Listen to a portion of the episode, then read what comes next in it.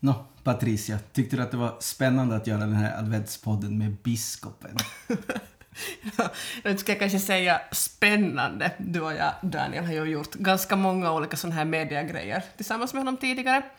Och åtminstone jag upplever biskop Björn som en väldigt öppen och trevlig typ. Ja, jag får nog instämma där. Eh, Men vad tyckte du var det mest intressanta som han sa? Jag tycker det var roligt att höra att han föredrar julklappsrim framom julkyrka. Det kanske inte var riktigt, riktigt det han sa. ja men typ, typ det sa han. Vad tycker du själv att var mest intressant? Nej, jag tyckte det var intressant att få höra lite om Slottsbalen, vad som händer där, där inte tv-kamerorna når. Mm, sant, det var också intressant. Uh, lyssnare, ni är välkomna med på vår andra adventspodd.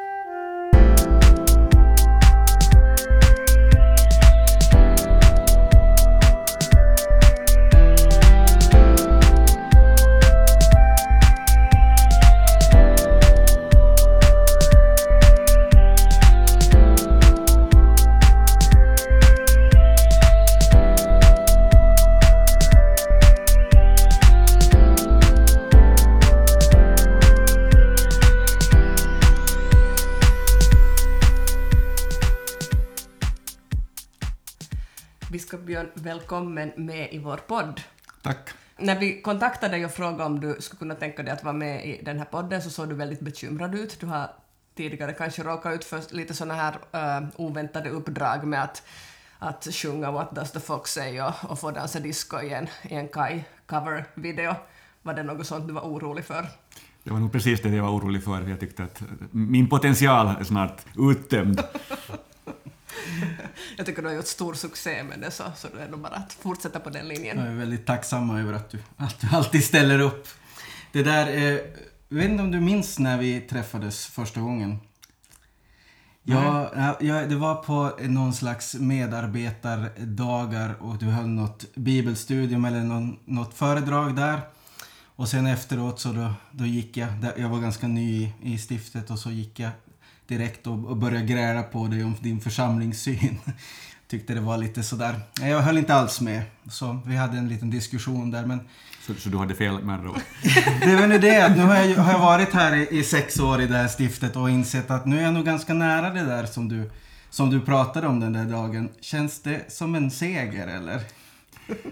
Nå, eh, ser det rent så här eh, praktiskt så, så är det klart att i en, i en diskussion så, så finns det alltid ett moment av att man, man försöker hitta de bättre, bättre argumenten och, och, och men eh, ser med lite mer distans till, till diskussionen så är det naturligtvis inte viktigast vem vinner och vem, vem förlorar utan, utan lär vi oss någonting tillsammans av ett samtal. Och det är nog det svar som jag officiellt skulle vilja säga.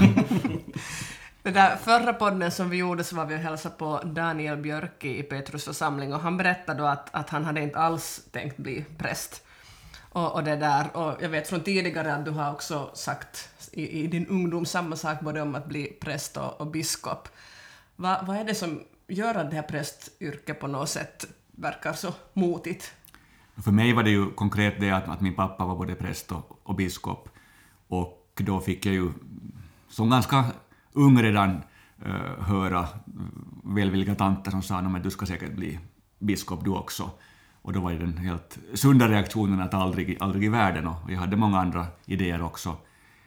Uh, sen när det gäller i allmänhet varför, varför så är, drar många sig för att bli präster, så det är klart att det finns mycket förväntningar kopplat till, till prästyrket. Man är rädd att man på något vis måste ge upp, upp, ge upp sin egen identitet och sitt eget kritiska personliga tänkande, att man går in i en roll, man går in i kyrkans eh, tradition och måste bara vara en, vara en trogen son eller dotter till den. Och kanske fördomar också, inte bara förväntningar. Absolut. För jag tycker ju att, att eh, rollen, som vilken roll som helst, är både en, en styrka och också naturligtvis en, en, en, eh, ett problem på det sättet. Det är en styrka att, att, att jag, jag, det finns förväntningar jag får gå in i och jag behöver inte alltid eh, skapa allting från noll när det gäller att bemöta sörjande, att gå och förrätta ett dop och så vidare. Det finns någonting att vila i. Men eh, problemet är naturligtvis som med alla roller att det kan bli eh, någonting, eh, bara någonting yttre, någonting där jag inte själv är 100% närvarande i det jag gör och det, det, måste man ju alltid jobba med. Men det känns ju nästan sådär lite, lite lurigt från Guds sida, det här för att, att man får känslan av att det är på något sätt de här som har varit mest emot som Gud sen kallar till den här uppgiften. Va, varför är det så? no, jag ska inte lägga ord i, i, i Guds mun, men, men eh, det kan ju hända att det finns en poäng med att du har en, en, en viss uh, hatkärlek, en viss kritisk distans till uh, prästjobbet, prästämbetet. För då, då, då kanske du både uh, undviker att falla in i alla klichéer, men samtidigt också har en idé om hur du skulle vilja vara som präst, att hur, hur, en, hur en fungerande mm. prästroll ser ut. Mm. Det tycker jag var bra svar. Men nu blev du ju både präst och, och, och, och biskop. Och, och, hur tycker du att det har varit att vara biskop så här långt? Har det varit så som du hade trott eller förväntat eller varit rädd för?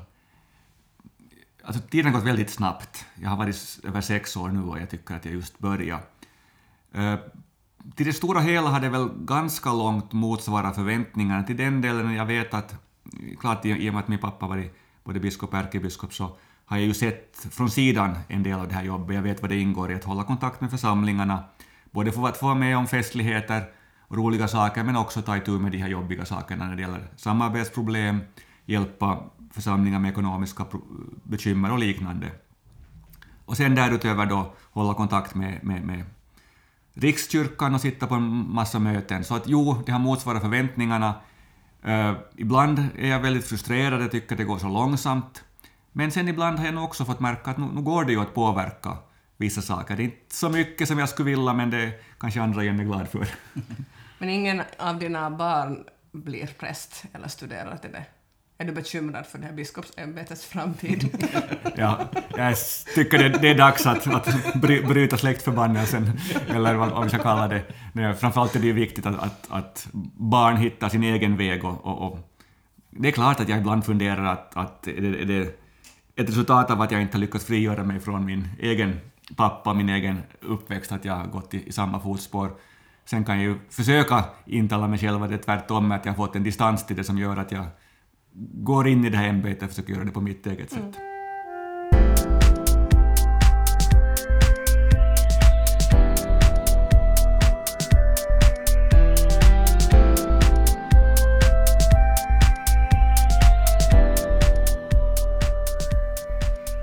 förra veckans poddavsnitt så fick vi veta till vår stora besvikelse att en kyrkoherde-jul inte är en sån här Astrid Lindgren-jul. Uh, men nu undrar jag att hur är det med en, en biskopsgårdsjul, den är väl ändå någonting alldeles extra? Eller jul och adventstid?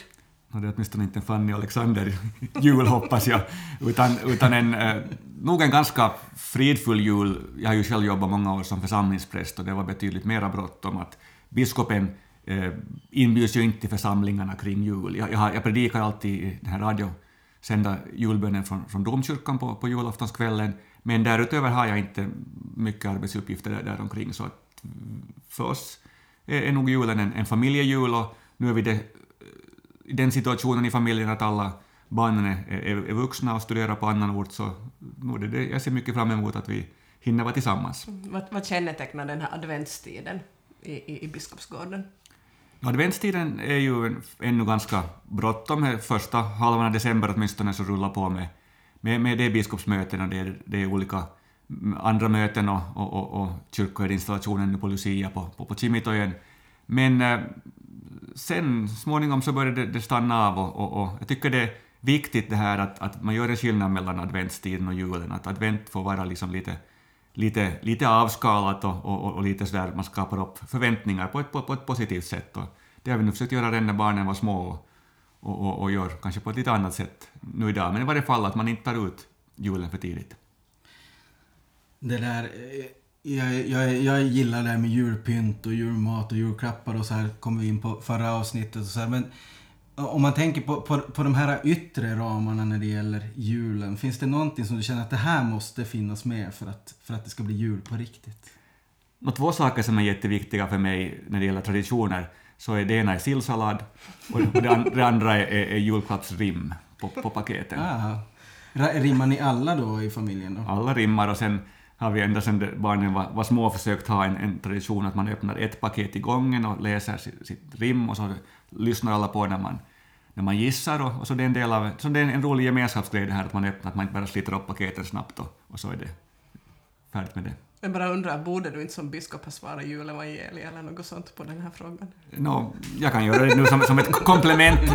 Det är klart att både jag menar, julfriden och julens budskap, det, det skulle vara mycket tomt att fira jul utan dem, men det, det liksom på något vis goes without saying. Mm. Jag tänker när du nämnde det här med, med julklappar så vill jag lite ännu höra hur du tänker att, att det där i de här tiderna pratas det mycket om, om prioriteringar och, och samtidigt så, kommer julhandeln säkert att slå rekord även, även i år, även om vi är på något sätt mitt i en ekonomisk kris.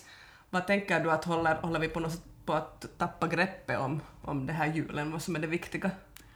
No, det här är en sak som har talats om ganska länge och, och, och visst är det så att det finns en uppenbar risk att julen har kommersial, kommersialiserats så, så långt att vi har tappat någonting, någonting viktigt i vad som är egentligen viktigt i, i julen. Och det tycker jag är ganska tydligt också om man har en konfirmandgrupp eller, eller skolelever att skriva att vad, vad väntar de mest på på julen eller vad är, vad är det som de ser fram emot. Så nu handlar det väldigt mycket om att man är tillsammans och att man har det tid att, att umgås och att spela och, och sånt. Och nu är det ju det som vi ska erbjuda varandra och, och försöka vara återhållsamma med, med, med, med, julklapparna och, och fokusera på sånt som vi faktiskt behöver.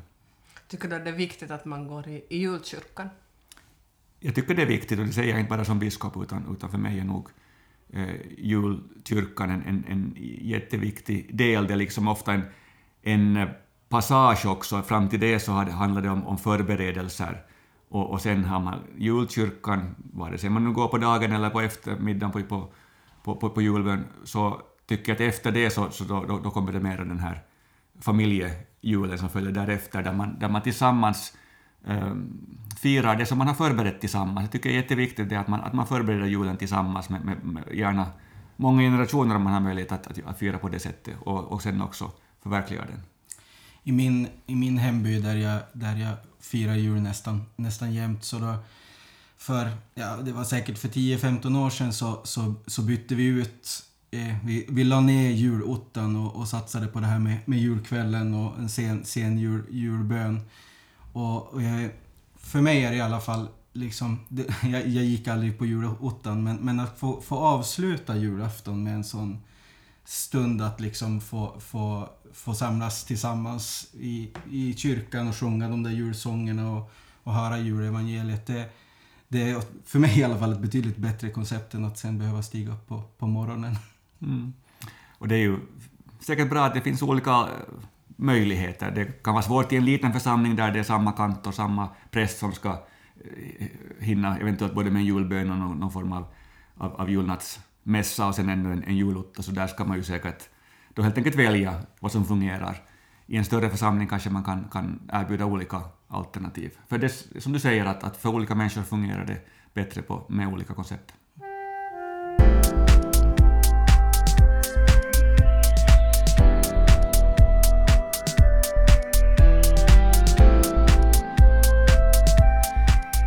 Jag som har flyttat hit till Finland har ju märkt en skillnad på adventstiden mot för i Sverige och det är ju att självständighetsdagen kommer här i adventstiden och den här slottsbalen som ju är, är, är en viktig tradition förstår jag. Som biskop, visst är det så att du har en stående inbjudan där? Jag har fått inbjudan alla år utom ett, det var det året när, när festen hölls i Tammerfors. Är det lika spännande med den här balen som vi vanliga människor drömmer om? No, det är naturligtvis annorlunda för att eh, det är ganska trångt och, och, och det är... Eh, man, man, står länge och väntar både före man får gå in och, och, och skakar hand och man står länge och väntar efteråt innan man kan börja mingla med folk. Känns det som en fest eller känns det som ett skådespel för TVn? Handskakningen är ett skådespel för TVn. Men eh, efteråt så är det ganska avslappnat och, och man, man, man kan ju röra sig fritt och det finns uh, olika musik som spelas i olika rum och det serveras på olika ställen mat, så på det sättet så är det väldigt fint planerat och, och på det sättet trevligt att vara med. Jag tycker att det, det är roligt att få bli bjuden, men eh, jag kan också ärligt säga att jag tycker att det gärna kunde vara en större, större variation och, och, och att man, man behöver inte bjuda alla tio biskopar varje år, utan man kan bjuda några och så kan man ta in mera andra människor. Jag tycker det här är en fest som jag gärna skulle önska att, att flera kunde få uppleva åtminstone en gång. Men det är väl ändå ett, ett mål och, eh, eh, att, att det ska bli en, en härlig mix utav människor, tänker jag på den här, den här balen. Och har du, vad är den mest intressanta människan eller samtalet som du har fått på den här balen? Det var en svår fråga, för att jag hade inte strax för mig någon, någon, någon enskild person.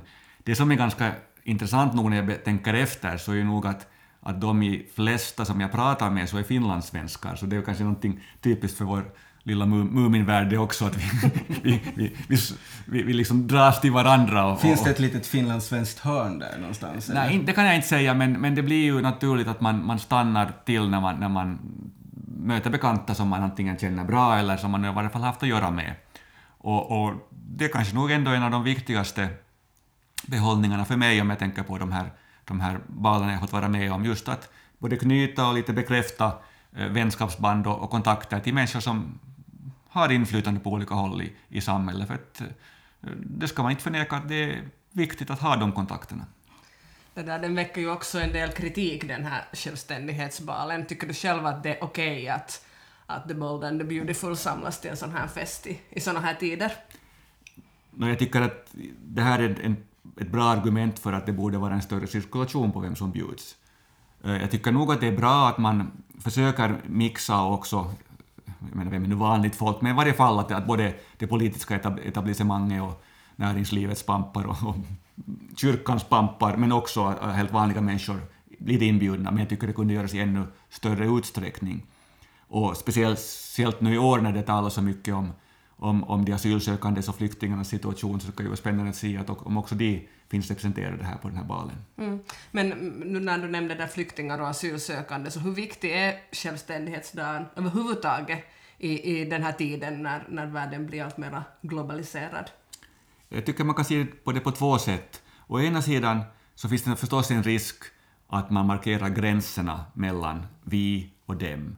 Och, och det ska vi undvika. Vi ska inte fira vår självständighetsdag på det sättet att vi på något vis vill framhålla att vi är så mycket bättre än de andra eller det här är bara vårt.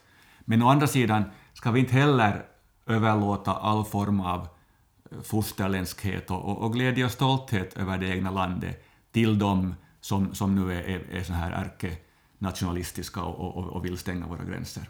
Men vad är det man firar? Vad är det vi firar när vi firar denna självständighetsdagen om vi samtidigt är så där för öppna gränser? Vi firar väl vårt eget lands historia. Vi firar eh, och kommer ihåg de som på olika sätt har genom sitt arbete, genom sina insatser eh, gett oss det trots allt trygga och, och goda samhälle där vi får växa upp. Men vi ska vara väldigt aktsamma så att vi inte gör det på ett sådant sätt att vi på något vis eh, anser oss ha evig äganderätt i det här landet därför att vi råkar vara född här av, av, av finländska föräldrar till exempel. Det är på samma sätt som när, när två människor flyttar samman och bildar familj, man, man tar med sig sina olika traditioner.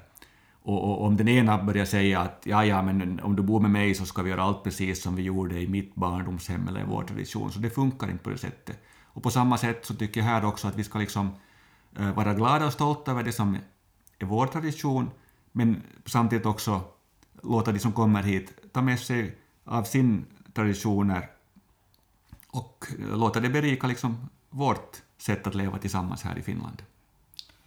Någonting som jag har varit stolt över, över mitt hemland har varit hur man... Hur vi har, som är Sverige. Som är Sverige, ja. Mm. Fortfarande. Så, så har att man har varit...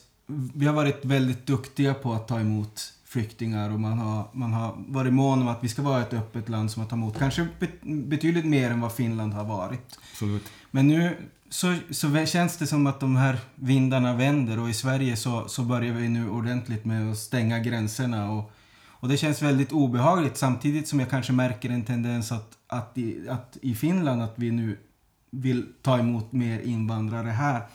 Men, vilket jag tycker är då väldigt skönt och, och bra. Men, men jag undrar att, att det här med nationalism har alltid varit någonting som är, som är jättesvårt för mig. Och, och då blir den här som, som har kommit in i det här självständighetsfirandet, det, det, det, blir, det blir liksom...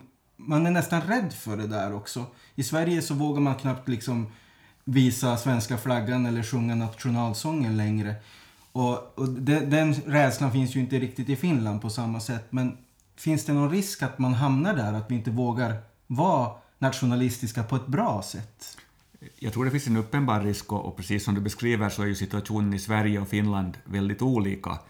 Kanske också av den orsaken att, att den finska historien och identiteten är så väldigt mycket präglad av att vi är det lilla landet som har hamnat i kläm mm. i krig i, i, flera århundraden, inte minst förstås under, under vinterkriget och fortsättningskriget, medan Sverige eh, trots allt har varit en, en stor makt som eh, har fört sina krig eh, rätt långt på andra länders områden. Mm. Och då kan jag förstå att, att den här stoltheten över, över historien är lite annorlunda och mer problematisk mm. i, i, Sverige än vad den är i Finland. Men sen när du talar om det här att man nu i Sverige eh, börjar vara mera tveksam till den mängd av, av invandrare och asylsökande som kommer, så tycker jag att man inte ska vara orättvis heller mot Sverige på det sättet, för man har ju tagit emot så otroligt mycket, medan vi i Finland har, har, har varit otroligt restriktiva, vilket jag är väldigt ledsen över. Så jag skulle säga att jag kan tänka mig att det finns en viss grund i Sverige för att man nu börjar märka att nu har vi tagit emot så många att vi kan inte ta emot dem på ett bra sätt, för det är ju också viktigt mm. naturligtvis att inte bara ta emot utan kunna ta emot dem på ett bra sätt. Medan jag då upplever att vi i Finland, i och med att vi har varit så restriktiva, borde ha utrymme för att fortfarande kunna ta emot rätt många till. Så att eh, jag tycker att, att vi ska våga vara glada och stolta över det som är, är vårt land och vår tradition, men inte på ett sådant sätt att vi, vi, vi ser det som vår egendom som förlorar någonting strax som det kommer eh, intryck utifrån till oss. Mm.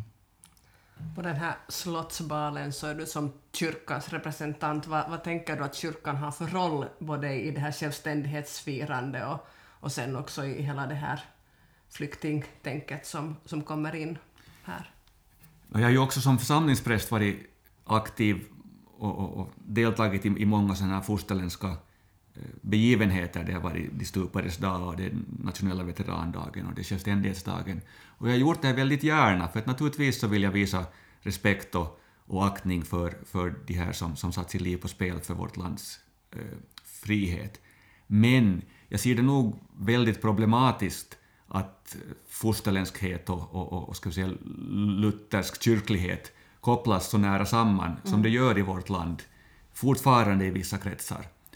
Och, och, man får hela tiden på nytt och på nytt påminna sig själv och andra om att, att inte kom Jesus hit till jorden för att, för att Finland ska vara självständigt eller för något annat liknande. Att, att äh, äh, igen, jag tycker vi, vi ska vara glada och stolta över, över vår, vårt kristna arv, men äh, vi ska också vara medvetna om det att, att det här är inte någonting som är liksom kristendomens viktiga uppgift att, att mana till nationalism, utan tvärtom, om nu Jesus var provokativ så var det just i och med att han ifrågasatte gränser, gränser mellan olika nationer, gränser mellan olika eh, samhällsklasser, gränser mellan män och kvinnor och så vidare. Och till och med det här med, med, med hem, och, hem och fosterland så var han inte någon riktigt stor anhängare av att dra gränser för. Så vad är din självständighetsdags och adventstidshälsning som du vill ge till sist till våra lyssnare? No, advent handlar ju om, om, om väntan och, och, och, också en viss eh, spänd förväntan, en förundran, så jag skulle önska både mig själv och, och alla, alla andra att vi skulle ha en, en, en adventstid där vi eh, förundras, hoppas och tror och jobbar för en, en bättre framtid. Tack.